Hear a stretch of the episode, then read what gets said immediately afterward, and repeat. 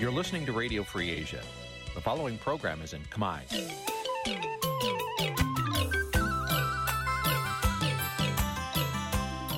នេះជាកម្មវិធីផ្សាយ Vuthu Azizi Serai នេះជាកម្មវិធីផ្សាយរបស់ Vuthu Azizi Serai ជាភាសាខ្មែរ Vuthu Azizi Serai សូមស្វាគមន៍លោកអ្នកនាងទាំងអស់ពីរដ្ឋធានី Washington នៃសហរដ្ឋអាមេរិក ចាប់ផ្សាយផ្ទាល់ពីរដ្ឋធានី Washington នាងខ្ញុំសុកជីវីសូមជម្រាបសួរលោកអ្នកនាងកញ្ញាដែលកំពុងតាមដានការផ្សាយរបស់ Vuthu Azizi Serai ទាំងអស់ជាទីមេត្រីយើងខ្ញុំសូមជូនកម្មវិធីផ្សាយសម្រាប់យប់ថ្ងៃច័ន្ទចា14រោចខែផលគុណឆ្នាំខាលចត្វាស័កពុរសករាជ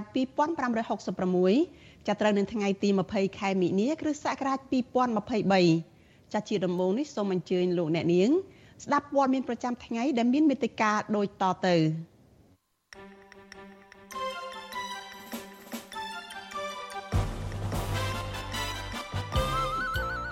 លោកហ៊ុនសែនថាកម្ពុជាបានកែតម្រង់ជាបន្តបន្ទាប់ដោយមិនចាំជំនួយរបស់បរទេសឡើយសកម្មជនបកប្រឆាំងដែលកំពុងជាប់ឃុំស្នើលោកហ៊ុនសែនដោះស្រាយវិបត្តិនយោបាយទៅតាមសំណើរបស់សហគមន៍អន្តរជាតិមន្ត្រីជាន់ខ្ពស់នៅអង្គការមួយចំនួននាំគ្នាទៅរកលោកហ៊ុនសែនជាជាងទៅរកតុលាការឲ្យជួយរកយុត្តិធម៌ដល់ពួកគេអង្គ ការការពារសត្វព្រៃមួយស្នើអាមេរិកកុំបញ្ជូនស្វាកន្ទុយវែង1000ក្បាលត្រឡប់មកកម្ពុជាវិញរួមនឹងព័ត៌មានសំខាន់សំខាន់មួយចំនួនទៀតចាជាបន្តទៅទៀតនេះនាងខ្ញុំសុជីវីសូមជូនព័ត៌មានទាំងនេះពិស្ដាចលនានេះជាទីមេត្រីលោកយមត្រីហ៊ុនសែនបានអួតអាងពីការដឹកនាំរបស់លោកកាលពីជាង4ទសវត្សរ៍មុនថា បានកែតម្រង់នយោបាយនិងសេដ្ឋកិច្ចកម្ពុជាដោយមិនបានរងចាំជំនួយពីបរទេសដែលកម្ពុជាកាលនោះកំពុងតែជាប់ទណ្ឌកម្មពីបណ្ដាប្រទេសមួយចំនួនដែលគ្រប់គ្រងខ្មែរក្រហមចាអ្នកតាមដានស្ថានភាពនយោបាយថាបើទោះបីជាមេដឹកនាំកម្ពុជាអះអាងថាខ្លួនដឹកនាំប្រទេសដោយមិនពឹងផ្អែកលើជំនួយបរទេស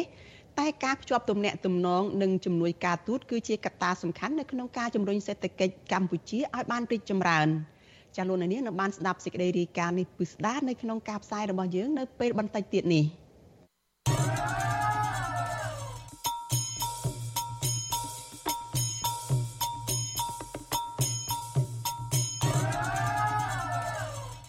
ថ្ងៃនេះខ្ញុំចង់លើកយកប្រធានបទមួយមកជម្រាបជូនអស់លោកនាងអំពីតម្លៃនៃសន្លឹកឆ្នោតបាត់តើសន្លឹកឆ្នោតមានតម្លៃយ៉ាងម៉េចទៅ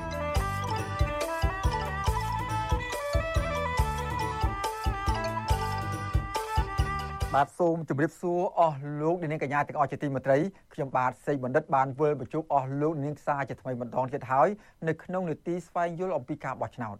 បាទនៅថ្ងៃនេះដែរខ្ញុំបាទសូមលើកយកប្រធានបទមួយដែលនិយាយអំពីតម្លៃនៃស្លឹកឆ្នោតបាទតើស្លឹកឆ្នោតរបស់អស់លោកនាងមានតម្លៃយ៉ាងដូចម្តេចខ្លះទៅ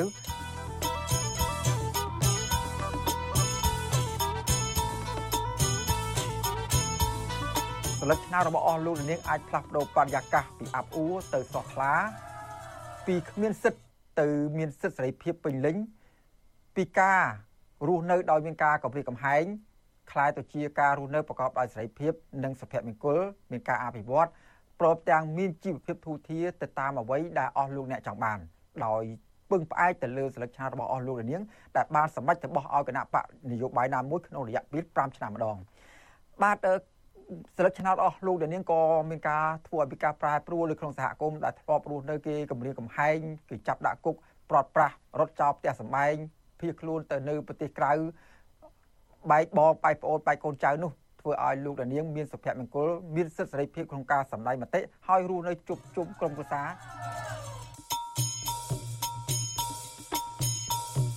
សន្លឹកឆ្នោតរបស់អស់លោកដានាង នឹងអាចជួយកែប្រែមុខមាត់ភូមិឃុំរបស់អស់លោកនាងឬក៏ស្ថានភាពដែលកំពុងជួបលំបាកនៅក្នុងសហគមន៍នោះคล้ายទៅជាសហគមន៍មួយដែលមានការអភិវឌ្ឍនិងមានសុភមង្គល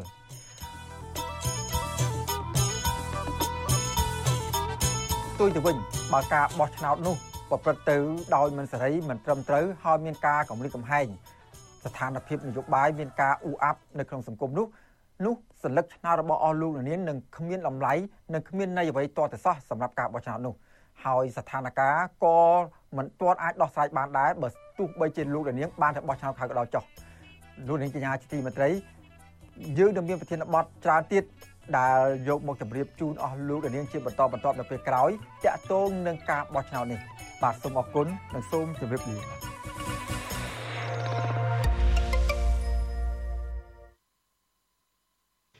ចាលោកនាងកញ្ញាជាទីមេត្រីចាំមិនខុសពីអ្វីដែលជាការលើកឡើងរបស់លោកសេបណ្ឌិតទេគឺការបោះឆ្នោតមានសារៈសំខាន់ណាស់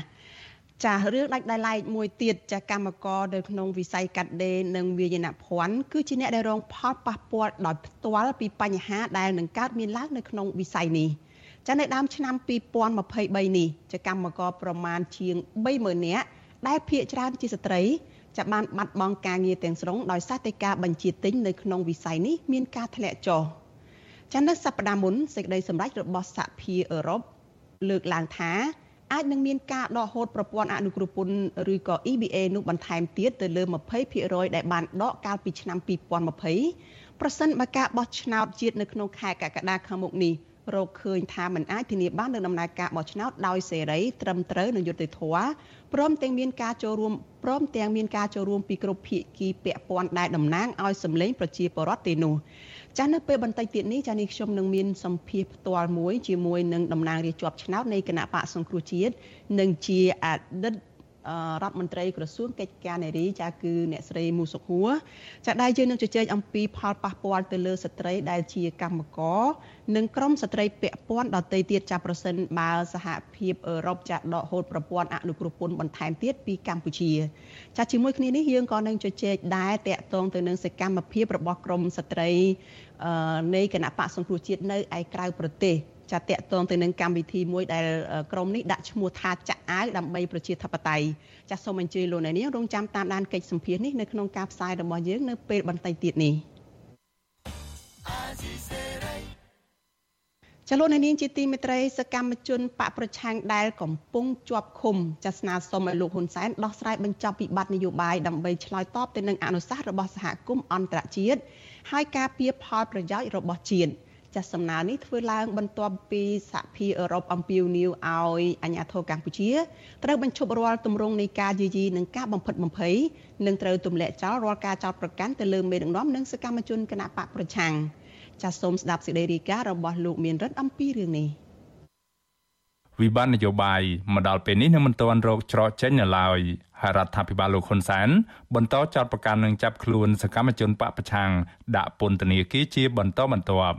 ចំណែកឯក្រុមអ្នកទស្សនយោបាយវិញពួកគេតែងតែផ្ញើសម្បត្តិឬផ្ដាំផ្ញើសំណុំពររបស់ពួកគេ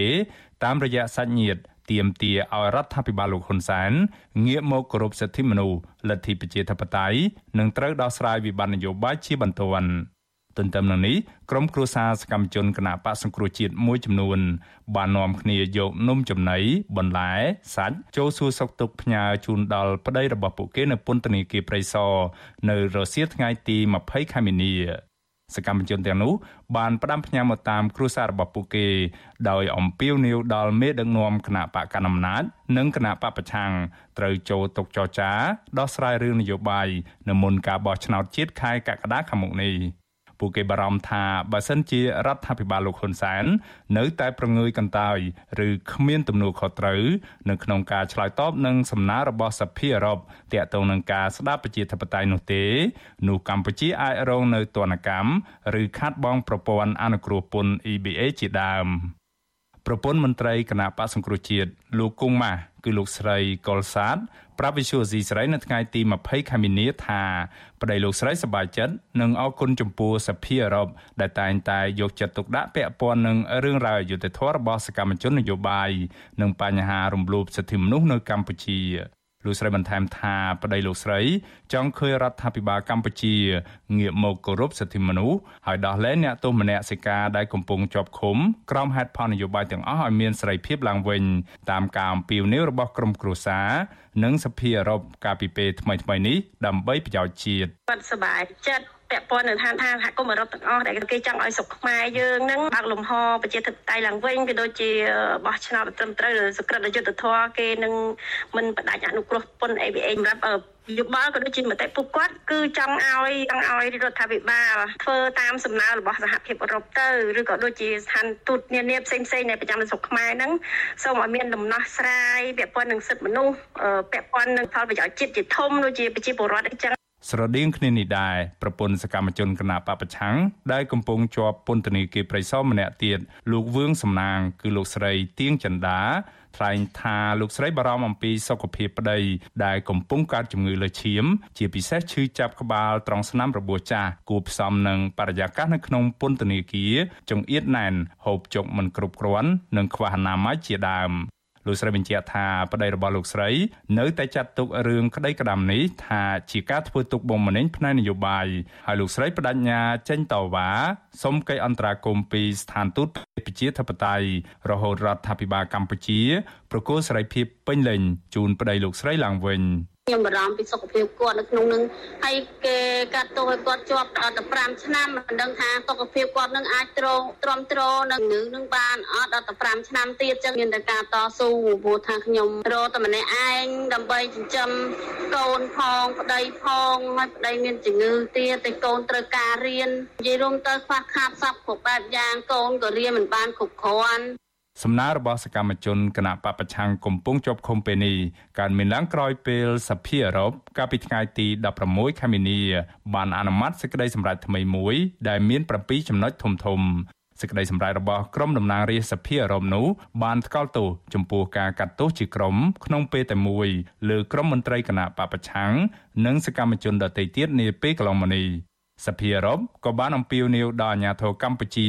ឲ្យបញ្ឈប់នៅរាល់ទម្រង់នៃការយាយីការបំផិតបំភ័យនិងត្រូវទម្លាក់ចោលរាល់បទចោទប្រកាន់ប្រឆាំងទៅនឹងសមាជិកគណៈបពប្រឆាំងសហជីពនិងអ្នកការពារសិទ្ធិមនុស្សជាដើមវិសុវស៊ីស្រីមិនអាចតកតងប្រធានអង្គភិបអ្នកណែនាំពាក្យរដ្ឋាភិបាល លោកផៃស៊ីផានដើម្បីបកស្រាយជុំវិញរឿងនេះបាននៅឡើយទេនៅថ្ងៃទី20ខែមីនា ទោះជាយ៉ាងណាសភាអឺរ៉ុបបានប្រមានដកប្រព័ន្ធអនុគ្រោះពន្ធគ្រប់មុខទំនិញទាំងអស់លើកលែងតែអាវុធហៅកាត់ថា EBA ពីកម្ពុជាបន្ថែមទៀតប៉ះសិនបើការបោះឆ្នោតជាតិជ្រើសតាំងតំណាងរាស្ត្រខែកក្កដាខាងមុខនេះធ្វើឡើងមិនស្របតាមស្តង់ដារអន្តរជាតិឬប្រសិនបើនៅតែកើតមានការរំលោភសិទ្ធិមនុស្សបន្តទៀតនោះអ្នកខ្លំមើលលើកឡើងថាបើសិនសហភាពអឺរ៉ុប ដកឬព្យួរប្រព័ន្ធអនុគ្រោះពន្ធ EBA បន្ថែមទៀតនោះកម្ពុជានឹងបាត់បង់នៅរាល់ការបញ្ជាទិញដែលនឹងធ្វើឲ្យបាត់បង់នៅឱកាសការងារនិងចំណូលសម្រាប់កម្មករនិងកសិករហើយក៏នឹងជះឥទ្ធិពលមិនល្អដល់វិស័យកាត់ដេរនិងវិស័យកសិកម្មដែលជាសសរគ្រឹះទ្រទ្រង់សេដ្ឋកិច្ចជាតិជុំវិញរឿងនេះអ្នកនាំពាក្យសមាគមការពារសិទ្ធិមនុស្សអាត់ហុក លោកសឹងសានករណាមើលឃើញថាចាប់តាំងពីឆ្នាំ2017មកសិទ្ធិនយោបាយនិងសិទ្ធិបុរដ្ឋដែលកម្ពុជាទទួលយកមកអនុវត្តបានធ្លាក់ចុះគួរឲ្យព្រួយបារម្ភលោកបញ្ជាក់ថាបញ្ហានេះហើយដែលធ្វើឲ្យសហគមន៍អន្តរជាតិជាពិសេសសភាអឺរ៉ុបកាលពីពេលថ្មីៗនេះបានចេញនៅសេចក្តីសម្រេចមួយបន្ថែមទៀតដោយស្នើឲ្យរដ្ឋាភិបាលកម្ពុជាងាកមកកែលម្អស្ថានភាពសិទ្ធិមនុស្សនិងប្រជាធិបតេយ្យឲ្យបានប្រសើរឡើង លោកយល់ថាកម្ពុជាគួរពិចារណាលើសំណើរបស់សភាអឺរ៉ុបដើម្បីរក្សាផលប្រយោជន៍ជាតិនិងបញ្ជៀសនូវទណ្ឌកម្មពីក្រមប្រទេសលោកសេរី ការប្រទេសលោកសេរីគេមុននឹងធ្វើការដាក់នៅអនុសាសន៍ឬក៏សំណើណាមួយមកដល់ប្រទេសសម័យ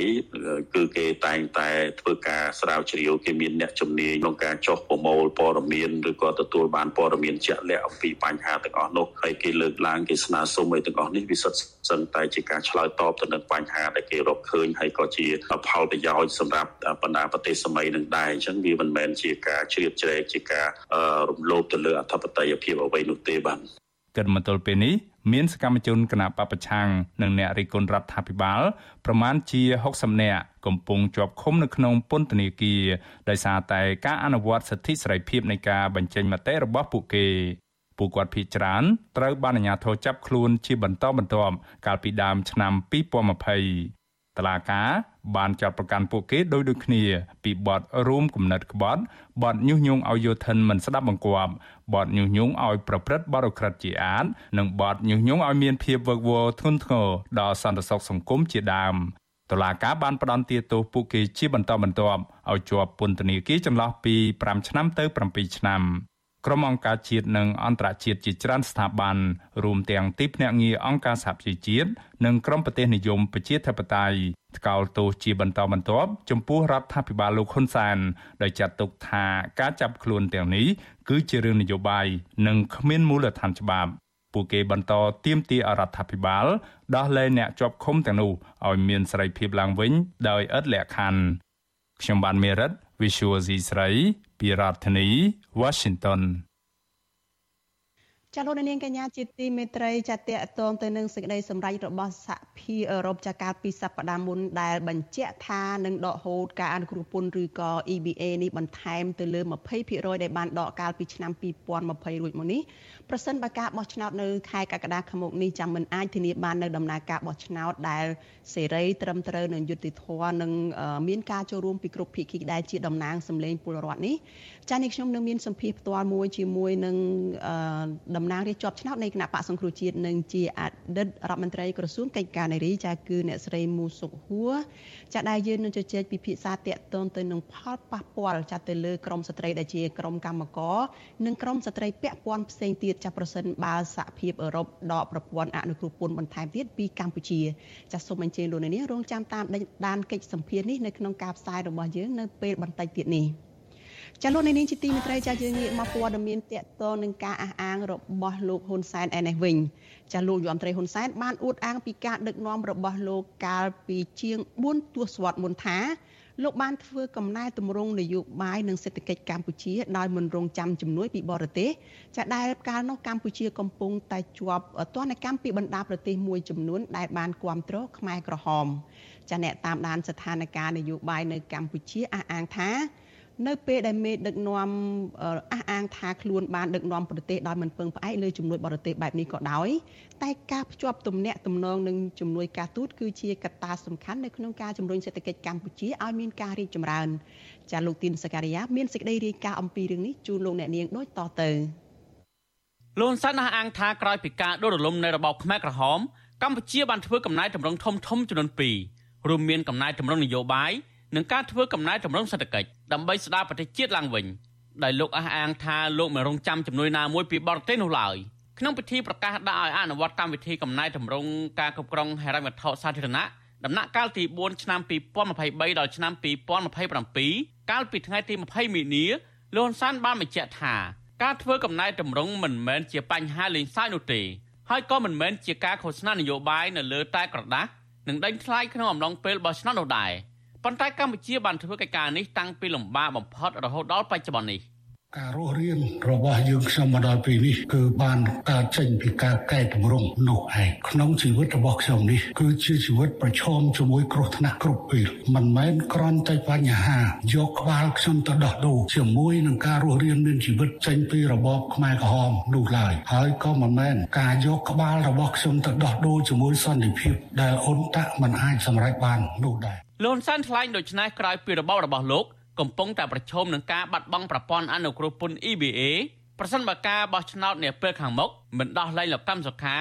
ឬឲ្យគណៈបកសង្គ្រោះជាតិដំណើរការឡើងវិញនោះសហភាពអឺរ៉ុបនឹងដាក់ទណ្ឌកម្មលើរបបឯកបកដោយដកប្រព័ន្ធអនុគ្រោះពន្ធឬ EBA បន្ថែមទៀតពីកម្ពុជាជុំវិញនឹងរឿងនេះអតីតតំណាងរាជគណៈបកសង្គ្រោះជាតិលោកអ៊ុំសំអានចាត់ទុកការលើកឡើងរបស់លោកហ៊ុនសែនថាជាអំណួតនយោបាយដែលលោកប្រឌិតឡើងដើម្បីទាក់ទាញស្លឹកឆ្នោតតែប៉ុណ្ណោះ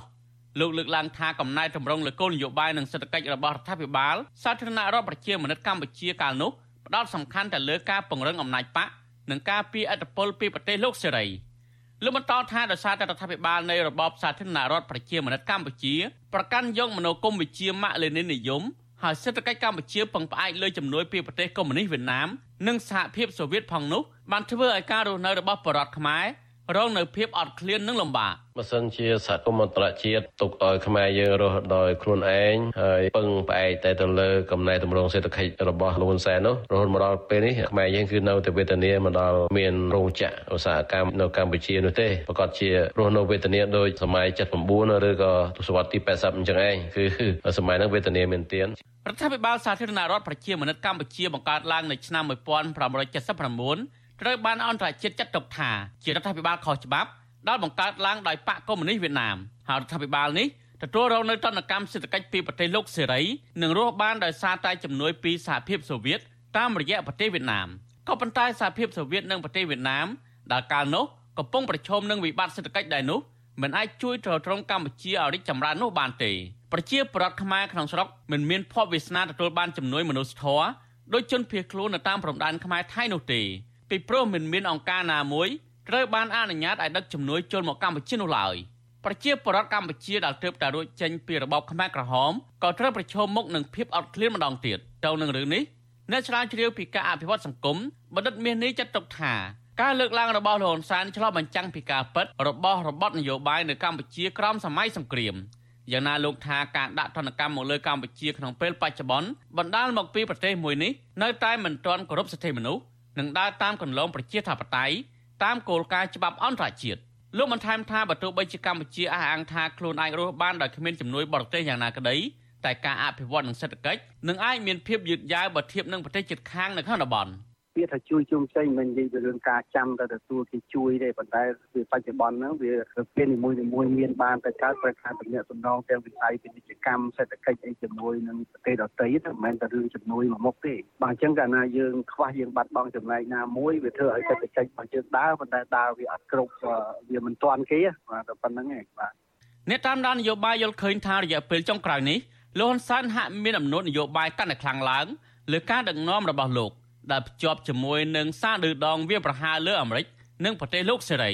ពួកគេសង្កេតឃើញថាជាមួយនឹងអំណួតលើសមត្ថភាពខ្លួនឯងលន់សានកំពុងដដើរចេញកាន់តែឆ្ងាយពីការដឹកនាំតាមបែបប្រជាធិបតេយ្យដោយមិនស្ដាប់មតិពីប្រទេសលោកសេរីឡើយជាក់ស្ដែងលោកហ៊ុនសែនធ្លាប់លើកឡើងថាកម្ពុជានៅតែអាចរស់បានទោះបីជាគ្មានប្រព័ន្ធអនុគ្រោះពន្ធ EBA ពីសហភាពអឺរ៉ុបហើយលោកលើកឡើងទៀតថាសន្តិភាពនៅកម្ពុជា បានមកដោយសារនយោបាយឆ្នេះឆ្នេះរបស់លោក មិនមែនបានមកពីកិច្ចព្រមព្រៀងសន្តិភាពទីក្រុងប៉ារីសនោះឡើយទោះបីជាអះអាងបែបនេះក្តីក្រុមនៃវិភាគមើលឃើញថាអ្វីដែលលោកហ៊ុនសែនកំពុងតែធ្វើគឺលោកធ្វើដើម្បីតែផលប្រយោជន៍បកពួកមិនគិតគូរដល់ប្រជាប្រដ្ឋនោះឡើយលោកហ៊ុនសែនដឹកនាំប្រទេសងាកទៅប្រទេសកុម្មុយនីសចាប់យកចិនជាខ្នងបង្អែកនោះគឺដើម្បីសម្រេចផែនការផ្ទេរអំណាចតពូជរបស់លោកនៅពេលខាងមុខខ្ញុំធីនសាការីយ៉ាអស៊ីសេរីប្រធានីវ៉ាស៊ីនតោន កម្មវិធី Vithu Azizi ស្រីសម្រាប់ទូរស័ព្ទដៃអាចឲ្យលោកអ្នកនាង អានអត្ថបទទស្សនាវីដេអូនិងស្ដាប់ការផ្សាយផ្ទាល់ដោយឥតគិតថ្លៃនិងដោយគ្មានការរំខានដើម្បីអាននិងទស្សនាមេតិការថ្មីថ្មីពី Vithu Azizi ស្រីលោកអ្នកនាងគ្រាន់តែចុចបាល់កម្មវិធីរបស់ Vithu Azizi ស្រីដែលបានដំឡើងរួចរាល់លើទូរស័ព្ទដៃរបស់លោកអ្នកនាង។ ប្រសិនបើលោកអ្នកនាងចង់ស្ដាប់ការផ្សាយផ្ទាល់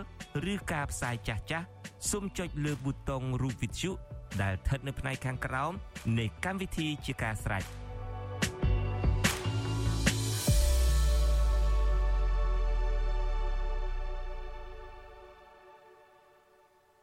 ចាលោកនាងកញ្ញាជាទីមេត្រីចាលោកអ្នកកំពុងតែតាមដានការផ្សាយរបស់វិទ្យុអាស៊ីសេរីចាប់ផ្សាយចេញពីរដ្ឋធានី Washington សហរដ្ឋអាមេរិក។ ចានៅពេលបន្តិចទៀតនេះចានេះខ្ញុំនឹងមានសម្ភារផ្ទាល់មួយជាមួយនឹងតំណាងរាជជាប់ឆ្នោតនៃគណៈបកសង្គ្រោះជាតិនិងជាអតីតរដ្ឋមន្ត្រីក្រសួងកិច្ចការនារីចាគឺអ្នកស្រីមូសុខួរ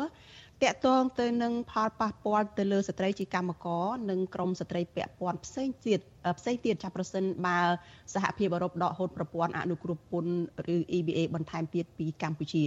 ចាតែមុននឹងទៅដល់កិច្ចសម្ភារនេះចាសូមអញ្ជើញលោកនាងមកតាមដានព័ត៌មានខ្លីមួយពីជីវភាពរបស់ស្ត្រីជាកម្មករដែលបាត់បង់ការងារធ្វើឯនេះវិញ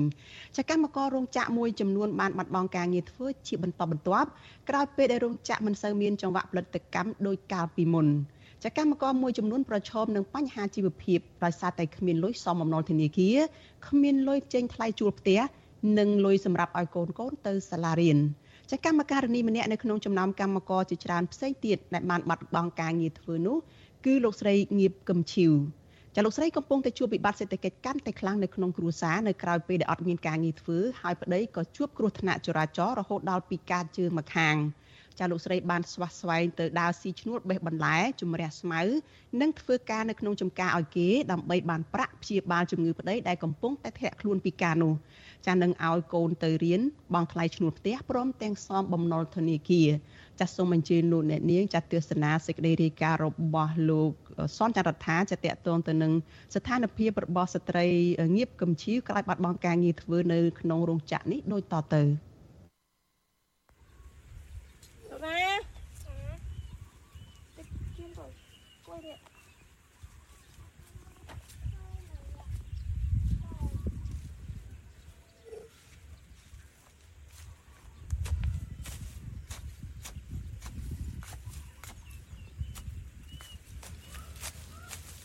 គូ ចាក់កបោកតែឥឡូវគេប្រឈប់អត់ទៅមានការងារធ្វើចឹងហើយទៅពេលរកការងារថ្មីទៅក៏ពិបាករកដែរឥឡូវការងាររកចឹងទៅអត់បានចឹងទៅឥឡូវនៅផ្ទះហើយណាមួយកូនអត់កូនរៀនកូនអីចឹងដែរអត់មានលុយមានអីឲ្យកូនរៀនរកឡើងចូលមួយខែជាងដែរអត់មានវាច្រើនអ្នកដែរហ្នឹងដែលគេប្រជុំឲ្យរកការងារថ្មីចឹងទៅពេលឲ្យមានអីរកធ្វើអីក៏អត់មានអីក៏អត់មានចឹង ចង់និយាយថារងថ្ងៃសឹងថាបើអត់មានការវារោងចាក់សំណងឲ្យតែមានអីធ្វើទៅធ្វើដែរតែឥឡូវពិបាករឿងសំណងក៏អត់ទៅមានអីធ្វើដែរហើយណាមួយយើងមនុស្សស្រីអញ្ចឹងគឺពិបាករកការងារធ្វើផ្សេងផ្សេងក្រៅពីការងាររោងចាក់ហើយចំណេះយើងក៏អត់មានអីក៏អត់មានអញ្ចឹងគឺពិបាកមែនតើ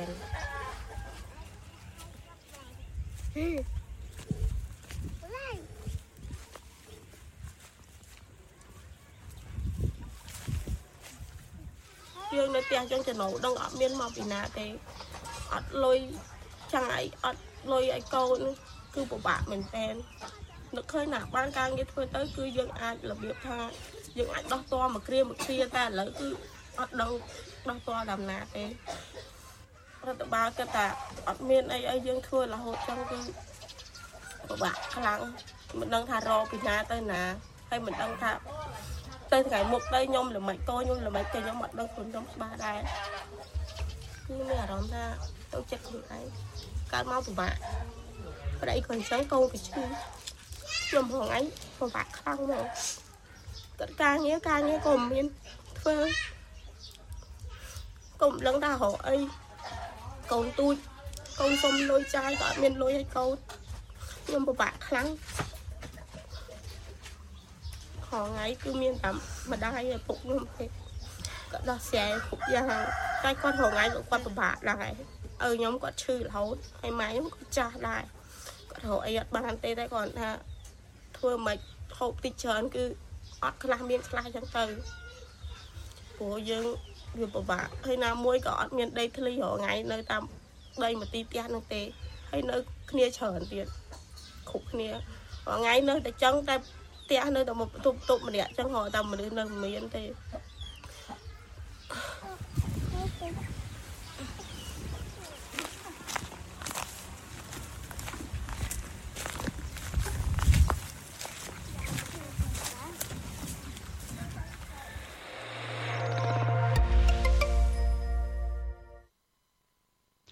ចាលោកនាងកញ្ញាជាទីមេត្រីចានេះគឺជាឧទាហរណ៍មួយនៃជីវភាពប្រចាំថ្ងៃរបស់កម្មការនីនៅក្នុងវិស័យកាត់ដេរចានៅពេលដែល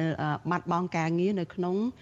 វិស័យនេះ ហើយប្រឹងប្រែងតស៊ូទៅមុខទៀតដើម្បីទ្រទ្រង់ជីវភាពគ្រួសារព្រមទាំងដោះបំណុលធនាគារថែមទៀតផងចាជាបន្តទៅទៀតនេះចានេះខ្ញុំមានសម្ភារផ្ទាល់មួយជាមួយនឹងតំណាងរាជជាប់ឆ្នោតនៃគណៈបកសង្គ្រោះជាតិចាគឺអ្នកស្រីមូសុខហួរហើយអ្នកស្រីក៏ជាអនុប្រធានគណៈបកសង្គ្រោះជាតិនិងជាអតីតរដ្ឋមន្ត្រីក្រសួងកិច្ចការនារី ហើយយើងនឹងជជែកគ្នាអំពីផលប៉ះពាល់នៃការដកហូតប្រព័ន្ធអនុគ្រោះពន្ធ EBA បន្ថែមទៀតប្រសិនបើកើតមានឡើងនៅក្រៅការបោះឆ្នោតនៅក្នុងខែកក្កដាខាងមុខនេះហើយភ្ញៀវរបស់យើងនៅថ្ងៃនេះចាមានអឺអឺចាលោកស្រីមួយសហួរចានាងខ្ញុំបានឃើញហើយចាសូមជម្រាបសួរលោកជំទាវមួយសហួរពីចម្ងាយចាចាជម្រាបសួរសូមគោរពបងប្អូនជនរួមជាតិដែលកំពុងតែទស្សនាអាស៊ីសេរីចាចា លោកជំទាវអឺតកតងទៅនឹងផលប៉ះពាល់នេះចាអមាញ់មិញនេះយើងបានឃើញខ្លះខ្លះជាឧទាហរណ៍ទេជាឧទាហរណ៍មួយចានៅក្នុងចំណោម ផលប៉ះពាល់ពីការដែលបាត់បង់ការងារនៅក្នុងវិស័យកាត់ដេរវាយនភ័ណ្ឌឬក៏ផលិតស្បែកជើងហើយវិស័យនេះគឺជាវិស័យសំខាន់បំផុតនៅក្នុងការទ្រទ្រង់សេដ្ឋកិច្ចកម្ពុជាដែរគឺជាការនាំចេញទំនិញរបស់កម្ពុជាផលិតនៅកម្ពុជាផលិតដោយកម្មករខ្មែរជាពិសេសគឺស្ត្រីខ្មែរហ្នឹងនៅក្នុងការនាំចេញទៅទីផ្សារនៅឯអឺរ៉ុបចាជាមួយគ្នានឹងក៏មកទីផ្សារនៅសហរដ្ឋអាមេរិកនេះដែរ ចាលោកជំទាវតើអាចថានឹងមានផលប៉ះពាល់កម្រិតណាទៅប៉ះសិនបើមានការដកហូតប្រព័ន្ធអនុគ្រោះពន្ធបន្ថែមទៀតចាស់ជាពិសេសទៅលើស្ត្រី ហើយស្ត្រីហ្នឹងគឺមិនមែនតែស្ត្រីនៅក្នុងវិស័យកាត់ដេរទេមានស្ត្រីពាក់ព័ន្ធផ្សេងទៀតចាតើអ្នកណាខ្លះដែលរងផលប៉ះពាល់ពីបញ្ហានេះចា៎មុននឹងខ្ញុំឆ្លើយនៅសំណួរនេះខ្ញុំសូមបញ្ជាក់ថាយើងមានការព្រួយបារម្ភមែនទែនពីព្រោះលោកហ៊ុនសែនលោកមានប្រសាសន៍ម្ដងហើយម្ដងទៀតថា លោកអត់ត្រូវការ EBA ទេមានន័យថាអត់ត្រូវការទីផ្សារសហគមន៍អឺរ៉ុបទេដែលជាទីផ្សារដ៏ធំបំផុតមានតម្លៃរហូតទៅដល់ជាង2000លានដុល្លារសហរដ្ឋអាមេរិកហើយផ្ដល់ការងារជូនទៅដល់បើសិនជាវិស័យកាត់ដេរដល់ស្ត្រីភាគច្រើនយើងដឹងហើយ80 90%យ៉ាងតិចជាស្ត្រីយ៉ាងហើយមានន័យថាចិត្ត1លានអ្នកដែលជាកម្មការនីសុទ្ធសាធនេះគាត់មានមិនទទួលយក EBA គឺមានន័យថាមិនទទួលយកលក្ខខណ្ឌនៃសហភាពសហភាពអឺរ៉ុបដែលគេដាក់លក្ខខណ្ឌបើសិនជាកម្ពុជាចង់លក់របស់របរផលិតនៅប្រទេសកម្ពុជាកុំឲ្យតែមានអាវុធនោះចាផលិតគឺត្រូវតែគោរពសិទ្ធិមនុស្សមិនត្រូវការ EBA មានន័យថាលោកហ៊ុនសែនអត់ត្រូវការគោរពសិទ្ធិមនុស្សមានន័យថាលោកលោកហ៊ុនសែនអត់ត្រូវការគោរពសិទ្ធិស្ត្រីទេតម្លៃនៃស្ត្រីការឈឺចាប់ការលំបាកវេទនានៃស្ត្រីអស់មានការងារធ្វើ តើប៉ះពាល់ដល់ស្ត្រីដល់របៀបណាឯយើងយើងឃើញថាលោកប្រធានស្ដីទីសំរងស៊ីយើងជាគណៈបកសង្គ្រោះជាតិរហូតដល់ពេលនេះយើងទៀមទាឲ្យមាន EBA មានន័យថាឲ្យមានការគោរពសិទ្ធិមនុស្សសរិទ្ធគោរពសិទ្ធិកម្មករកម្មការិនីនិងកសិកររបស់យើងដែលភាគច្រើនជាស្ត្រីឲ្យមានលក្ខខណ្ឌការងារឲ្យបានត្រឹមត្រូវឲ្យមានប្រាក់ឈ្នួលឲ្យបានរស់ដោយភាពថ្លៃថ្នូរ សូមបញ្ជាក់ឲ្យច្បាស់លោកហ៊ុនសែនអត់មានត្រូវការសិទ្ធិមនុស្សហើយសូមបញ្ជាក់ឲ្យច្បាស់អត់មានត្រូវការសិទ្ធិមនុស្សមានន័យអត់មានត្រូវការ EBA មានន័យថាអត់មានត្រូវការអត់ឈឺចាប់ទាំងអស់ចាលោកជំទាវកាត់ប្រសាសន៍លោកជំទាវត្រង់នឹងតិចកន្លងមកលោកយមត្រៃហ៊ុនសែនលោកអះអាងជាញឹកញយហើយថាអ្វីដែលសំខាន់ដែលលោកការពារ ឲ្យខាងតែបាននោះគឺសន្តិភាពហើយប្រទេសគ្មានសង្គ្រាមប៉ះសិនបើប្រទេសមានសង្គ្រាមគឺគ្មានសិទ្ធិគ្មានអ្វីកើតឡើងទាំងអស់គ្មានធានាសិទ្ធិទេដូច្នេះគ្រប់មធ្យោបាយទាំងអស់នេះគឺដើម្បីការពារសន្តិភាពមិនខ្វល់ពីរឿងអ្វីផ្សេងទៀតទេចាសសូមអញ្ជើញបន្តលោកទាវចាសសន្តិភាពមានន័យថាអ្វីអត់មានសង្គ្រាមមែនអត់មានអាវុធអត់មានចំនួនអាវុធមែនក៏ប៉ុន្តែសន្តិភាពជាមួយគ្នាគឺឈរទៅលើជីវិតមួយដែលមានភាពថ្លៃថ្នូរ មានតម្លៃចេញមកពីណា ចេញមកពីប្រភពការងារបើសិនជាអត់មានការងារធ្វើសន្តិភាពនៅឯណាបើសិនជាអត់មានការងារធ្វើមហូបអាហារចេញមកពីណាបើសិនជាអត់មានការងារធ្វើនៅណារដ្ឋាភិបាលលោកហ៊ុនសែនណាដែលការពារនិងស្ថិរក្សាឲ្យស្ត្រីយើង បានផ្ដល់បាននៅ សេវាសុខភាព នៅការងារធ្វើនៅមុខរបរនឹងហៅថាសន្តិភាពចាសន្តិភាពមានន័យថាទាំងអស់គ្នា យើងជាពលរដ្ឋខ្មែរទាំងអស់គ្នាមកកសាងសន្តិភាពជាមួយនឹងគ្នាមិនមែនបុរសម្នាក់មនុស្សម្នាក់បកពួកមិនមួយនិងគ្រួសារមួយ បង្កឲ្យមានសន្តិភាពជូនទៅដល់ប្រទេសជាតិមួយទាំងមូលទេនេះឲ្យច្បាស់ចាចាតកតងទៅនឹងសំណួរខាងដើមរបស់នាងខ្ញុំចាលោកជំទាវមិនបានឆ្លើយនៅឡើយទេចាតកតងទៅនឹងស្ថានភាពរបស់ស្ត្រីនៅក្នុងវិស័យកាត់ដេរសម្លៀកបំពាក់ផលិតស្បែកជើងនេះ ចានៅក្នុងវិស័យនេះទាំងមូលហ្នឹងគឺមានកម្មករដែលបម្រើការងារសរុបហ្នឹងគឺជិត1លាននាក់គឺប្រហែលជាជាង80ម៉ឺននាក់ចាហើយក្នុងចំណោមហ្នឹងអឺគឺភាកច្រើនបំផុតជាស្ត្រីហើយអ្នកដែលរងផលប៉ះពាល់ដំបូងបំផុតហ្នឹងគឺស្ត្រីនឹងហើយនៅពេលដែលគាត់អត់មានការងារធ្វើហើយបន្ទាប់មកហ្នឹងគឺសមាជិកគ្រួសាររបស់គាត់តើផលប៉ះពាល់ហ្នឹងនឹងជះទៅយ៉ាងណាខ្លះទៀតចា៎ ចាខ្ញុំសូមបញ្ជាក់ថាយើងនិយាយបើសិនជាអត់មានការស្ត្រីអត់មានការងារធ្វើនៅក្នុងរោងចក្រហើយខ្ញុំសូមបន្ថែមទៀតមិនត្រឹមតែនៅក្នុងរោងចក្រកាត់ដេរនេះបងប្អូនណាបើសិនជាអត់មាន EBA ប៉ះពាល់ដល់ស្ត្រីជាកសិករផងណានឹងជាការងារណាហើយលើសពីនេះទៅទៀតយើងដឹងថាស្ត្រីដែលលក់ដូរបន្តិចបន្តួចម្ហូបអាហារបាយសម្លជូនទៅដល់ស្ត្រីដែលជាកម្មការិនីនៅជុំវិញរោងចក្រ ចាប់ខួយអីទាំងទាំងឡាយណាតើជាអ្នកណាភាកច្រើនស្ទើរតែ100%សិតតែជាស្ត្រីស្ត្រីដែលរស់នៅភាពក្រីក្របំផុតប៉ះពាល់មានន័យថាប៉ះពាល់មិនមែនដល់កម្មករស្ត្រីទេ និងកសិករទេប៉ះពាល់ទៅដល់អ្នកចំនួនតូចតាចដែលជាស្ត្រី មានន័យថាប៉ះពាល់លើសពី1លានអ្នកហើយយើងដឹងហើយស្ត្រីជាកម្មការនីមិនមែនចិញ្ចឹមតែខ្លួនឯងទេបានប្រាក់ឈ្នួលមកគឺចិញ្ចឹមឪពុកម្ដាយ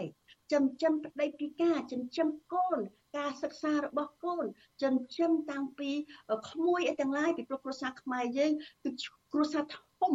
ចឹងផលប៉ះពាល់នេះវាអត់មានការងារធ្វើផងអត់មានចំនួនផងហើយប៉ះពាល់សំខាន់បំផុតពេលណាអត់មានការងារធ្វើរស់នៅភាពលំបាកគឺស្ត្រីរងគ្រោះងាយរងគ្រោះនឹងអំពើហិង្សាអំពើហិង្សានៅក្នុងគ្រួសារ ហើយនឹងអំពើហិង្សាពេលស្ត្រីចេញទៅរកទទួលទានបើសិនអត់មានការងារធ្វើនៅក្នុងរោងចក្រតើស្ត្រីទៅរកទទួលទានទៅណារកប្រាក់ឈ្នួលមកប្រាក់ខែចូលមកពីណាមកទៅការងារអីក៏ធ្វើដែរហើយចំពោះស្ត្រីដែលអត់មានអឺចំណេះដឹងចំណេះធ្វើទាំងឡាយដើម្បីរកប្រាក់ឈ្នួលបានប្រាក់ខែបានហ្នឹងគឺទៅក្នុងវិស័យអឺអឺកំសាន្តដូចជាការ៉ាអូខេ រហូតទៅដល់វិស័យដូចជាអឺជួយដូរស្ត្រីនៅក្នុងស្ត្រីផ្លិតភេទរបស់ស្ត្រីទៀតនេះគឺជាការលំបាកការទទួលខុសត្រូវដ៏ធ្ងន់ដែលរដ្ឋាភិបាលណាក៏ដោយក៏ត្រូវតែធ្វើយ៉ាងម៉េចរកការងារជំនុននឹងមានការងារគឺត្រូវតែមានការចេះដឹងត្រូវតែមានចំណេះវិជ្ជានិងមុខរបរច្បាស់លាស់ជូនទៅដល់ស្ត្រី ជាជាការបង្ការកុំអោយស្ត្រីរងគ្រោះនិងអំពើជួញដូរស្ត្រី និងហិង្សាលើស្ត្រីខ្ញុំសូមបញ្ជាក់ទៀតផលប៉ះពាល់មួយទៀតគឺអឺអ្វីដែលស្ត្រីយកមកខ្ចីបុលនោះធ្វើការងារនៅក្នុងរោងចក្រប៉ុណ្ណឹងអត់គ្រប់គ្រាន់ទេកសិកម្មប៉ុណ្ណឹងអត់គ្រប់គ្រាន់ទេ ត្រូវតែខ្ចីបុលពីសនិពីមីក្រូ ហេរ៉ៃវត្ថុហើយនឹងខ្ចីបុលនេះបំណុលហ្នឹងបើអស់មានការងារក្នុងអឺដែលដោយសារការបាត់បង់ EBA ហ្នឹងតើស្ត្រីយកឯណាលុយឯណាទៅរកលុយឯណាទៅសងបំណុលចឹងមុខរបរអីក៏ស្ត្រីធ្វើដែរពេលណាដែលយើងត្រូវការមុខរបរត្រូវការការងារអីក៏ធ្វើនោះគឺអ្នកណាដែលរងអ្នកណាដែលចំណេញគឺឈ្មួញកណាលគឺឈ្មួញដែលធ្វើឲ្យស្ត្រី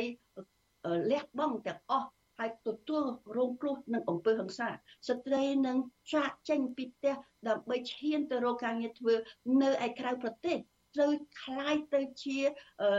កម្មករចំណាក់ស្រុកទៀតហើយស្ត្រីចំណាក់ស្រុកមានន័យថាទាំងពោះពោះទាំងមានផ្ទៃពោះទាំងបំបៅទឹកដោះកូនក៏យកក៏ត្រូវតែចំណាក់ពីស្រុកដើម្បីទៅរកការងារធ្វើនេះគឺ ជាដើម្បីធ្វើជាកម្មករគេស្របច្បាប់ក៏ដោយមិនស្របច្បាប់ក៏ដោយភាគច្រើនមិនស្របច្បាប់ហើយទៅប្រទេសថៃទៀតហើយតើលោកហ៊ុនសែនបានគិតទេការប៉ះពាល់ទាំងអស់នេះហើយខ្ញុំចង់ឃើញថាក្រសួងកិច្ចការនារីនោះបានធ្វើអ្វីខ្លះបានផ្ដល់យោបល់ទៅដល់លោកហ៊ុនសែនទេមិនហ៊ានទេហើយយើងចង់ឲ្យឃើញថារដ្ឋាភិបាលមានការស្រាវជ្រាវឲ្យច្បាស់លាស់ថាបើសិនជានៅពេលនេះ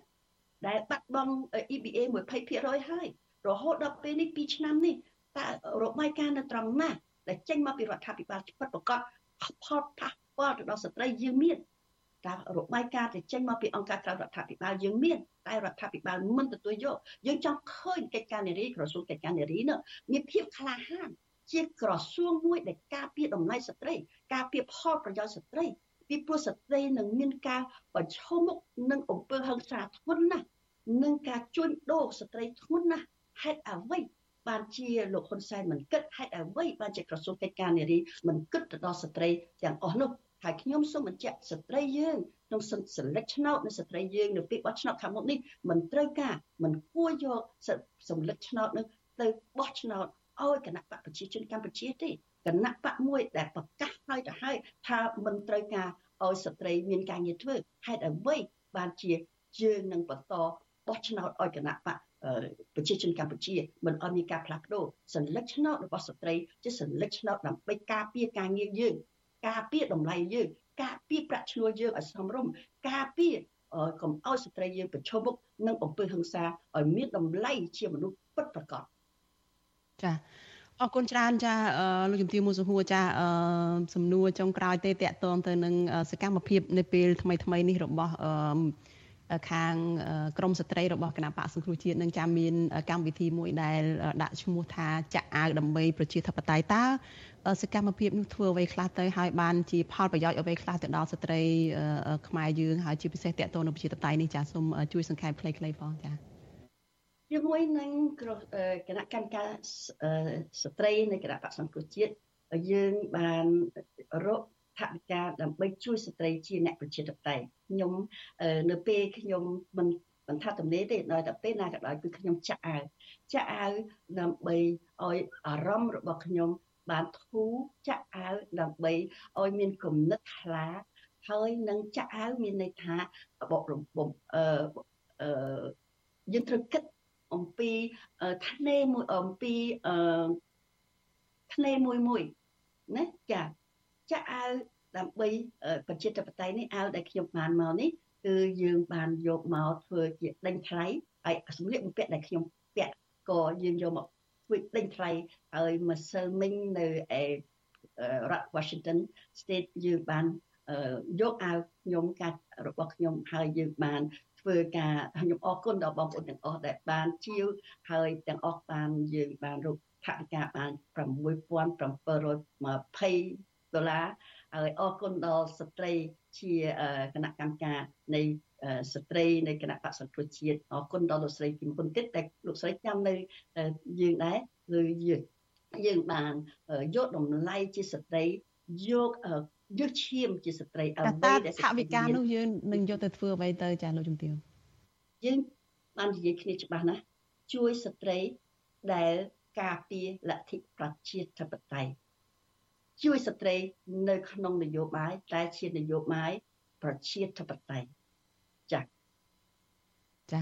អរគុណច្រើនលោកជំទាវមុខសុខួរចាដែលបានផ្ដល់សម្ភារនៅយុគនេះចាយើងនឹងតាមដានស្ថានភាពរបស់ស្ត្រីកម្មករតទៅទៀតចាតកតងទៅនឹងផលប៉ះពាល់ពីការដកហូតប្រព័ន្ធអនុគ្រោះពន្ធ EBA ចាប្រសិនបើកើតមានឡើងនៅក្រៅការបោះឆ្នោតនៅក្នុងខែកក្កដាខាងមុខនេះចាសូមអរគុណហើយសូមជម្រាបលាត្រឹមប៉ុណ្ណេះចាជូនពរសុខភាពល្អអរគុណជម្រាបលា ចាលោកនាងកញ្ញាជាទីមេត្រីចាព័ត៌មានដាច់ដោយឡែកមួយទៀតចានៅក្នុងរយៈពេលចុងក្រោយនេះចាបុគ្គលមានអធិបុលមួយចំនួនរួមទាំងមន្ត្រីជាន់ខ្ពស់រដ្ឋាភិបាលនិងអង្គការដែលមានទ្រព្យច្រើនមួយចំនួនបានស្វែងរកអន្តរាគមរោគយុតិធធពីលោកហ៊ុនសែនជាបន្តបន្ទាប់មន្ត្រីឃ្លាំមើលការរំលោភសិទ្ធិមនុស្សនិងអ្នកច្បាប់យល់ឃើញថាប្រព័ន្ធតុលាការឬក៏យន្តនៃការច្បាប់ផ្សេងផ្សេងត្រូវតែកែតម្រង់ ពីព្រោះទាំងពលរដ្ឋសាមញ្ញនិងបុគ្គលមានឥទ្ធិពលមិនជឿទៅលើស្ថាប័នទាំងនោះទេចាសសូមស្ដាប់សេចក្តីរាយការណ៍របស់លោកនៅវណ្ណរិនអំពីរឿងនេះក្នុងរយៈពេល4ឆ្នាំកន្លងទៅនេះក្រុមគ្រួសារអ្នកមានឥទ្ធិពលរួមទាំងមន្ត្រីជាន់ខ្ពស់និងអង្គការមានទ្រព្យសម្បត្តិច្រើនចំនួន5នាក់បានប្រកាសបើកចំហសុំឲ្យលោកនាយករដ្ឋមន្ត្រីហ៊ុនសែនស្វែងរកយុត្តិធម៌ឲ្យពួកគេដោយអ្នកខ្លះស្នើតាមលិខិត អ្នកខ្លះទៀតស្រែកទ្រហោយំនៅតាមទីសាធារណៈ ប៉ុន្មានថ្ងៃចុងក្រោយនេះមហាជនចាប់អារម្មណ៍ពីករណីគឺអគ្គលេខាធិការរងនៃគណៈកម្មាធិការជាតិលំហសមុទ្រលោកឧត្តមនាវីឯកគ្រួចកឹមថននិងអង្គញាខុនថាវងផងផាន់ផ្សាយវីដេអូតាម Facebook សូមឲ្យលោកនាយករដ្ឋមន្ត្រីហ៊ុនសែនជួយរកយុត្តិធម៌ដោយថាពួកគេរងការគំរាមបំពានពីអ្នកមានអំណាច លោកអុកញ៉ាខុនថាវងផងផាន់ជាជនជាតិខ្មែរដើមកំណើតថៃ និងប្រពន្ធរបស់លោកជាជនជាតិខ្មែរគឺអ្នកស្រីមនផានីបានផ្សព្វផ្សាយតាមទំព័រ Facebook ប៉ុន្មានថ្ងៃជាប់ជាប់គ្នាដោយយំស្រែកសូមឲ្យលោកនាយករដ្ឋមន្ត្រីហ៊ុនសែនជួយរកយុត្តិធម៌ករណីអ្នកមានឥទ្ធិពលម្នាក់ទទួលលុយ12លានដុល្លារហើយមិនព្រមប្រគល់ដីតាមការសន្យានេះម្ចាស់ដីនេះណាធ្វើបាបខាងកូសាខ្ញុំខ្លាំងធ្វើបាបបងប្អូនជាតិ កណ្ដាលនេះគឺគាត់អ្នកឲ្យខ្ញុំម្ចាស់ដីអ្នកចាញ់ឲ្យខ្ញុំគាត់ទទួលលុយខ្ញុំគ្រប់12លានកន្លះអានេះគឺគាត់ទទួលលុយគ្រប់គឺគាត់អ្នកចាញ់ឲ្យខ្ញុំកណ្ដាស់ហ្នឹងនៅក្នុងកងត្រាខ្ញុំកក់30ម៉ឺនហ្នឹងហើយមួយឆ្នាំក្រោយខ្ញុំឲ្យគាត់12លាន20ម៉ឺនទៀតគ្រប់12លានកន្លះដើម្បីឲ្យគាត់កាត់ឈ្មោះមកឲ្យខ្ញុំការផ្សាយផ្ទាល់របស់អង្គការដដែលរូបនេះបានរៀបរាប់ពីទុកលំបាកក៏ប៉ុន្តែមិនបានបង្ហាញឈ្មោះអ្នកដែលរំលោភបំពាននោះទេ ប្រពន្ធរបស់លោកអង្ញារូបនេះបញ្ជាក់ថាពួកគេទ្រាំលំបាកដោយដោះស្រាយបញ្ហាតាំងពីឆ្នាំ2020រហូតដល់ទ្រាំលែងបានទើបសម្រេចផ្សាយបើកចំហទាំងបារម្ភពីគ្រោះថ្នាក់ដល់ជីវិតតែពេលខ្លះលោកពុកអត់ដឹងឥឡូវនេះលោកពុកដឹងហើយតាមរយៈវីដេអូនេះអ្វីដែលកូនស្នើសុំគ្រាន់តែឲ្យម្ចាស់ដីបំពេញកាតព្វកិច្ចទិញលក់កិច្ចសន្យាថ្ងៃទី14ខែ12 2020កូនសុំតែប៉ុណ្្នឹងឯពុក អត់រំខានអីពុកទេចាសូមឲ្យតែកូនចេញចូលមានសុវត្ថិភាពកូនសុំតែប៉ុណ្្នឹងឯពុកពួកថ្ងៃកូនអត់មានសុវត្ថិភាពទេអត់មានសុវត្ថិភាពទេ ករណីមួយទៀតនៅថ្ងៃទី18មីនាអគ្គលេខាធិការរងនៃគណៈកម្មាធិការជាតិលំហសមុទ្រគឺលោកក្រួចកឹមថនបានពាក់ឯកសន្តានមេទាហានផ្កាយ3នៅលើស្មានិយាយបណ្ដាលលើកដៃសំពះបណ្ដាលផ្សាយតាមទំព័រ Facebook របស់លោកលោកក៏បានយកវីដេអូនេះផ្ញើបន្តទៅเพจរបស់លោកហ៊ុនសែនសូមឲ្យជួយរកយុត្តិធម៌ករណីមន្ត្រីមានអំណាចមួយរូបបំពេញយកដីរបស់លោកដែលខ្ញុំធ្លាប់ជាមិត្តរួមអាវុធរស់នៅចិត្តគាត់រាប់អានគ្នាចិត្ត ក៏ប៉ុន្តែខ្ញុំស្មានមិនយល់ថាហេតុអ្វីចិត្តគាត់រំលោភសាហាវបំពេញបែបនេះមកលើរូបសម្បត្តិដូច្នេះខ្ញុំសង្ឃឹមថាសម្ដេចទាំងពីរជាទីគោរពនឹងជួយរកគ្រប់យុទ្ធធរសម្បត្តិដោយសេចក្តីគោរពពីចម្ងាយលោកក្រួយកឹមថនក៏ហាក់មានការភ័យខ្លាចក្នុងការផ្សព្វផ្សាយទាមទាររកយុត្តិធម៌នេះដែរព្រោះក្រោយការផ្សព្វផ្សាយប៉ុន្មានម៉ោងក៏មានការចែករំលែករាប់ពាន់ហើយលោកក៏លុបវីដេអូនេះចេញវិញ។ នៅក្នុងខែមករាឆ្នាំ2023សមត្ថកិច្ចខេត្តកណ្ដាលឃាត់ខ្លួនអ្នកស្រីអុកញ៉ាសៀងច័ន្ទហេងមួយរយៈពេលខ្លីក្រោយពីមានចំនួនដីធ្លីជាង50ហិកតាជាមួយនឹងប្អូនស្រីបង្កើតរបស់លោកហ៊ុនសែនឈ្មោះប៊ុនប៊ុនធឿនការដោះលែងអ្នកស្រីវិញគឺក្រោយពីមានការសម្របសម្រួលពីលោកនាយករដ្ឋមន្ត្រីហ៊ុនសែនហើយដី50ហិកតានោះត្រូវប្រគល់ឲ្យប្អូនស្រីរបស់លោកហ៊ុនសែននៅដើមឆ្នាំ2022 អុកញ៉ាដួងងៀបក៏បានស្វះស្វែងរកអន្តរាគមពីលោកនាយករដ្ឋមន្ត្រីហ៊ុនសែនផងដែរដោយថ្លែងថារូបលោករងការមួលបង្កាច់ចោទប្រកាន់ពីបទឆោបោករំលោភទំនុកចិត្តអុកញ៉ាដែលមានងារជាឧត្តមសេនីយ៍ពាក់ផ្កាយ3រូបនេះបញ្ជាក់ថារូបលោកក៏ត្រូវចៅក្រម2រូបនៅសាលាដំបងរាជធានីភ្នំពេញគៀបយកលុយលោកអស់ពីខ្លួន នៅពេលដែលហៅទៅសាកសួរម្ដងម្ដង។ កាលពីពាក់កណ្ដាលឆ្នាំ2019ប្រពន្ធអុកញ៉ាថោងសារ៉ាត់គឺអ្នកស្រីទាវធីតាបាននាំគ្នាទៅតវ៉ានិងត្រហោយំនៅសាលាដំបងរាជធានីភ្នំពេញទាមទាររកយុត្តិធម៌សម្រាប់ប្តីលោកស្រីដោយបញ្ជាក់ថាប្តីរបស់លោកស្រីមិនបានបាញ់សម្លាប់លោកអុកញ៉ាអឹងមេងជឺនោះទេអ្នកស្រីថាអ្នកស្រីបានរងចាំយុត្តិធម៌4ឆ្នាំក្នុងអំឡុងពេលប្តីអ្នកស្រីជាប់ឃុំឃាំងប៉ុន្តែពន្លឺយុត្តិធម៌គ្មានបង្ហាញរូបរាងនោះទេ លោកស្រីទាវធីតាគឺជាអ្នកសកម្មមួយរូបនៅក្នុងការឃោសនាឲ្យគណៈបកប្រជាជនកម្ពុជា បានចោទសួរថាបើការឃុំខ្លួនទាំងអយុត្តិធម៌នេះជាកូនរបស់លោកហ៊ុនសែនវិញតើលោកមានអារម្មណ៍យ៉ាងណាខ្ញុំទទួលស្គាល់ថាខ្ញុំមិនមែនជាកូនរបស់សម្ដេចហ៊ុនសែនមិនមែនជាកូនបងប្អូនរបស់ឯកឧត្តមលោកជំទាវធំណាមួយទេខ្ញុំមិនមានជាប់ពាក់ព័ន្ធសាច់ឈាមជាមួយនឹងតឡាការទេដូច្នេះហើយថ្ងៃនេះខ្ញុំទទួលអយុត្តិធម៌ ខ្ញុំចង់សួរថាបើសិនជាខ្ញុំជាកូនរបស់សម្ដេចហ៊ុនសែនលោកពុកលោកពុកសម្ដេចហ៊ុនសែនបើខ្ញុំជាកូនរបស់គាត់គាត់ទៅធ្វើបែបនេះដែរមែនទេខ្ញុំចង់សួរលោកអុកញ៉ាថោងសារ៉ាត់មុនពេលចាប់ខ្លួនលោកបានរត់គេចខ្លួនអស់មួយរយៈហើយក៏ផ្សព្វផ្សាយវីដេអូយំស្រែកសុំលោកហ៊ុនសែនជួយរកយុត្តិធម៌ឲ្យរូបលោកផងដែរ។ អំឡុងពេលដែលក្រុមគ្រួសារលោកថោងសារ៉ាត់ស្រែកយំរកយុត្តិធម៌នោះគ្រួសារលោកអុកញ៉ាអឹងមេងជឺដែលជាថៅកែក្រុមហ៊ុនលក់គ្រឿងសំណង់និងជាថៅកែហាងពេជ្រដែលរងការបាញ់សម្លាប់នោះមិនហ៊ានតវ៉ាអ្វីទាំងអស់អ្នកមានអធិបុលទាំង5រូបដែលមានទាំងលុយនិងអំណាចនេះសុទ្ធតែជាអ្នកស្និទ្ធស្នាលនឹងក្រុមគ្រួសារត្រកូលហ៊ុនគឺតែងតែផ្សព្វផ្សាយរូបភាពជាមួយលោកហ៊ុនសែនជាមួយលោកហ៊ុនម៉ាណែត ឬថតផ្សព្វផ្សាយឃោសនារោគសម្លេងឆ្នោតឲ្យគណៈបកប្រជាជនកម្ពុជាជាដើមសាស្ត្រាចារ្យនឹងជាទីប្រឹក្សាផ្នែកយោបល់ច្បាប់លោកសឹមវិបុលមានប្រសាសន៍ថាករណីពលរដ្ឋទាំងមនុស្សមានឥទ្ធិពលជួបរឿងអយុត្តិធម៌ស្វែងរកឲ្យលោកហ៊ុនសែនជួយនេះដោយសារតែពួកគេមិនមានជំនឿលើតុលាការហើយយល់ថាអ្វីៗទាំងអស់គឺមានតែលោកនាយករដ្ឋមន្ត្រីហ៊ុនសែនទេគឺជាអ្នកសម្រេច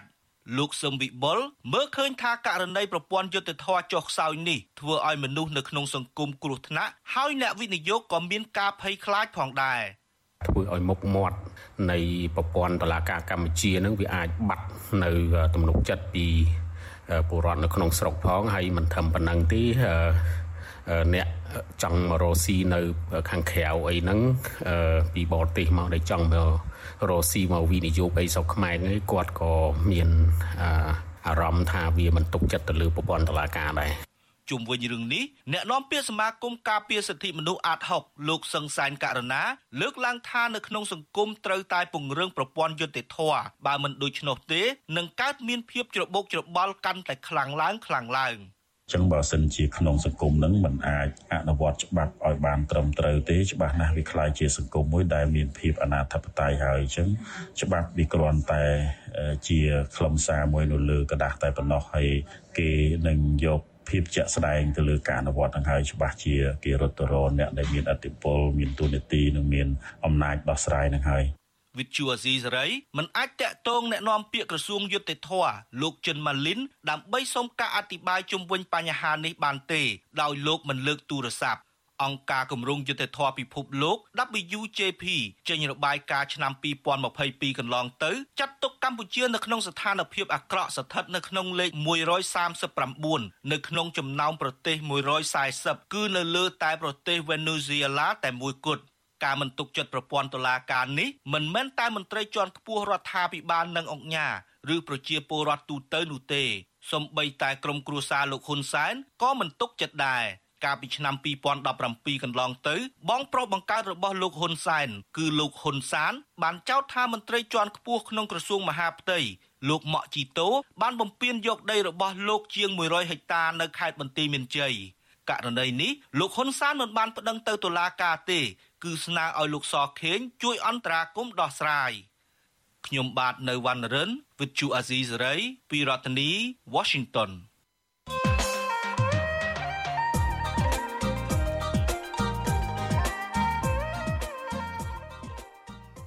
ចាលោកនាងកញ្ញាប្រិយមិត្តជាទីមេត្រីចានៅមុនការបោះឆ្នោតអាណត្តិទី7នេះលោកហ៊ុនសែនត្រូវប្រឈមមុខនឹងជំរើសសំខាន់ចំនួន2ចានោះគឺត្រូវដោះលែងលោកកឹមសុខា និងឲ្យគណៈបកសង្គ្រោះជាតិដំណើរការឡើងវិញដើម្បីចូលរួមការបោះឆ្នោតបើមិនដូច្នោះទេចាលោកនឹងប្រឈមមុខនឹងការអត្តនកម្មសេដ្ឋកិច្ចពីសហភាពអឺរ៉ុបចាលោកហ៊ុនសែនបានឆ្លើយតបភ្លាមភ្លាមរួចហើយថាលោកមិនខ្វល់នឹងការដាក់ទណ្ឌតាម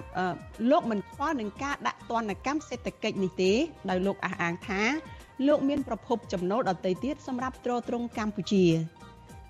ប្រសិនបើកម្ពុជារងទណ្ឌកម្មពីសហភាពអឺរ៉ុបមែននោះតើសេដ្ឋកិច្ចកម្ពុជានឹងមិនប៉ះពាល់ដោយលោកហ៊ុនសែនអះអាងមែនឬទេឬក៏ប៉ះពាល់យ៉ាងណាចាលោកសំរងស៊ីនឹងចូលមកជជែកវិញអំពីបញ្ហានេះនៅក្នុងវេទិកានៃស្ដាប់វិទ្យុអាស៊ីសេរីចានៅយប់ថ្ងៃអង្គារទី21ខែមិនិនាស្អែកនេះចាសសូមអញ្ជើញលោកអ្នកនាងរងចាំទស្សនាកម្មវិធីនេះកុំបីខានចាកម្មវិធីនៅថ្ងៃស្អែកនេះសម្របសម្រួលដោយលោកជុនច័ន្ទបុត្រ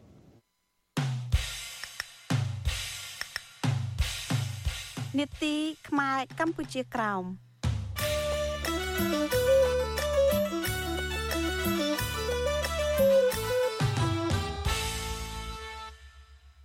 ចាលោកនាងជាទីមេត្រីសហព័ន្ធខ្មែរកម្ពុជាក្រោមបានកំណត់យុទ្ធសាស្ត្រឆ្នាំថ្មីដោយបន្តធ្វើការងារផ្នែកការទូតដើម្បីទទួលបានសិទ្ធិស្វ័យសម្រេចជាជនជាតិដើមខ្មែរក្រោម ចាសហព័ន្ធក៏នឹងធ្វើការជាមួយរដ្ឋាភិបាលសហរដ្ឋអាមេរិកចាដើម្បីធានាជនភៀសខ្លួនខ្មែរក្រោមនៅក្នុងប្រទេសថៃនោះឲ្យមករស់នៅក្នុងសហរដ្ឋអាមេរិក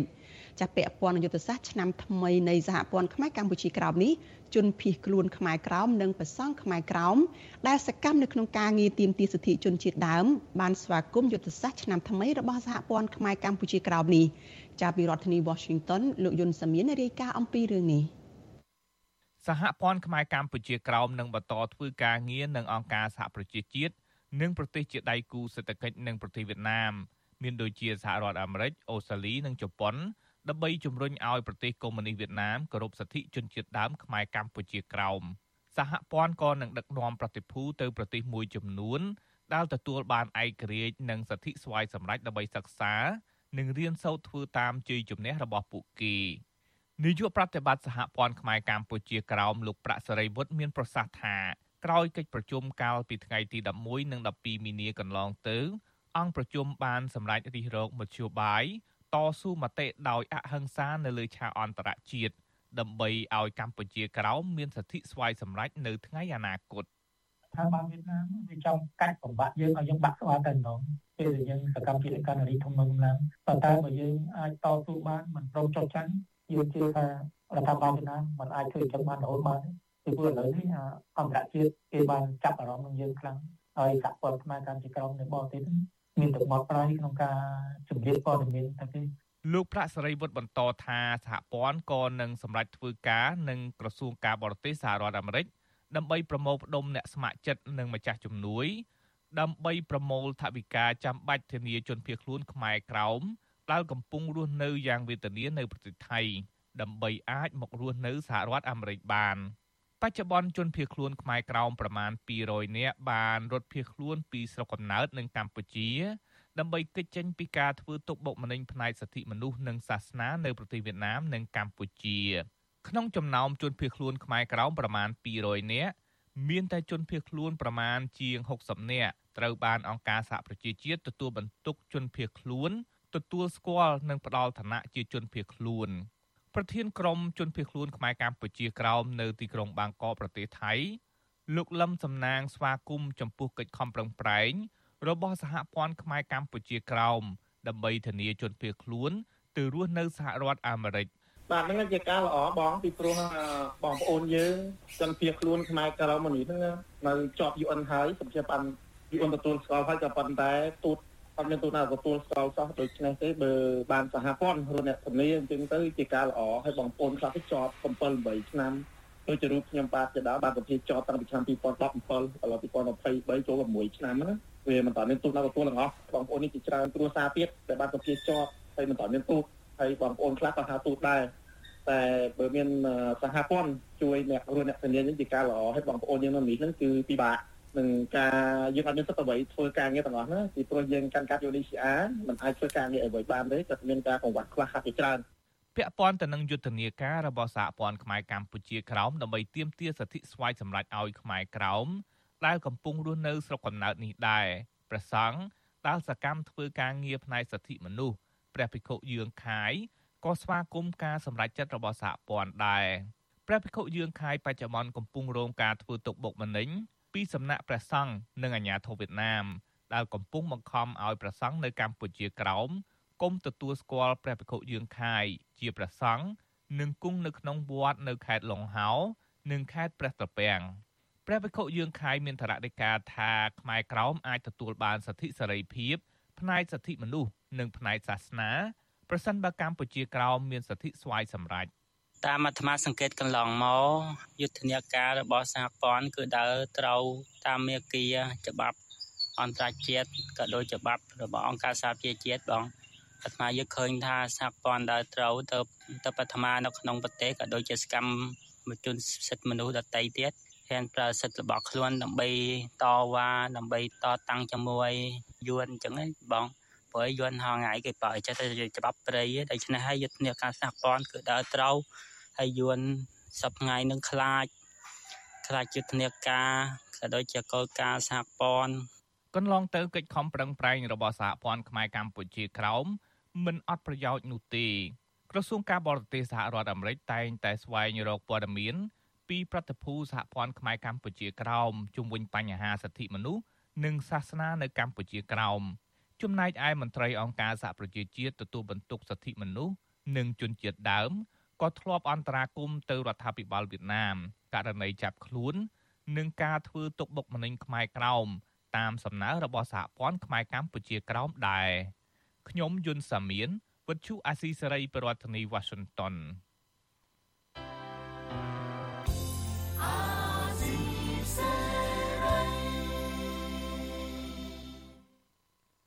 ចាលោកនាងជាទីមេត្រីចាក្រុមអង្គការការពារសត្វនិងសត្វព្រៃរបស់សហរដ្ឋអាមេរិកបានជំទាស់ទៅនឹងការសម្រេចរបស់រដ្ឋាភិបាលសហព័ន្ធសហរដ្ឋអាមេរិកដែលគ្រោងនឹងបញ្ជូនសត្វស្វាក្តាមឬក៏ស្វាកន្ទុយវែងជាង1000ក្បាល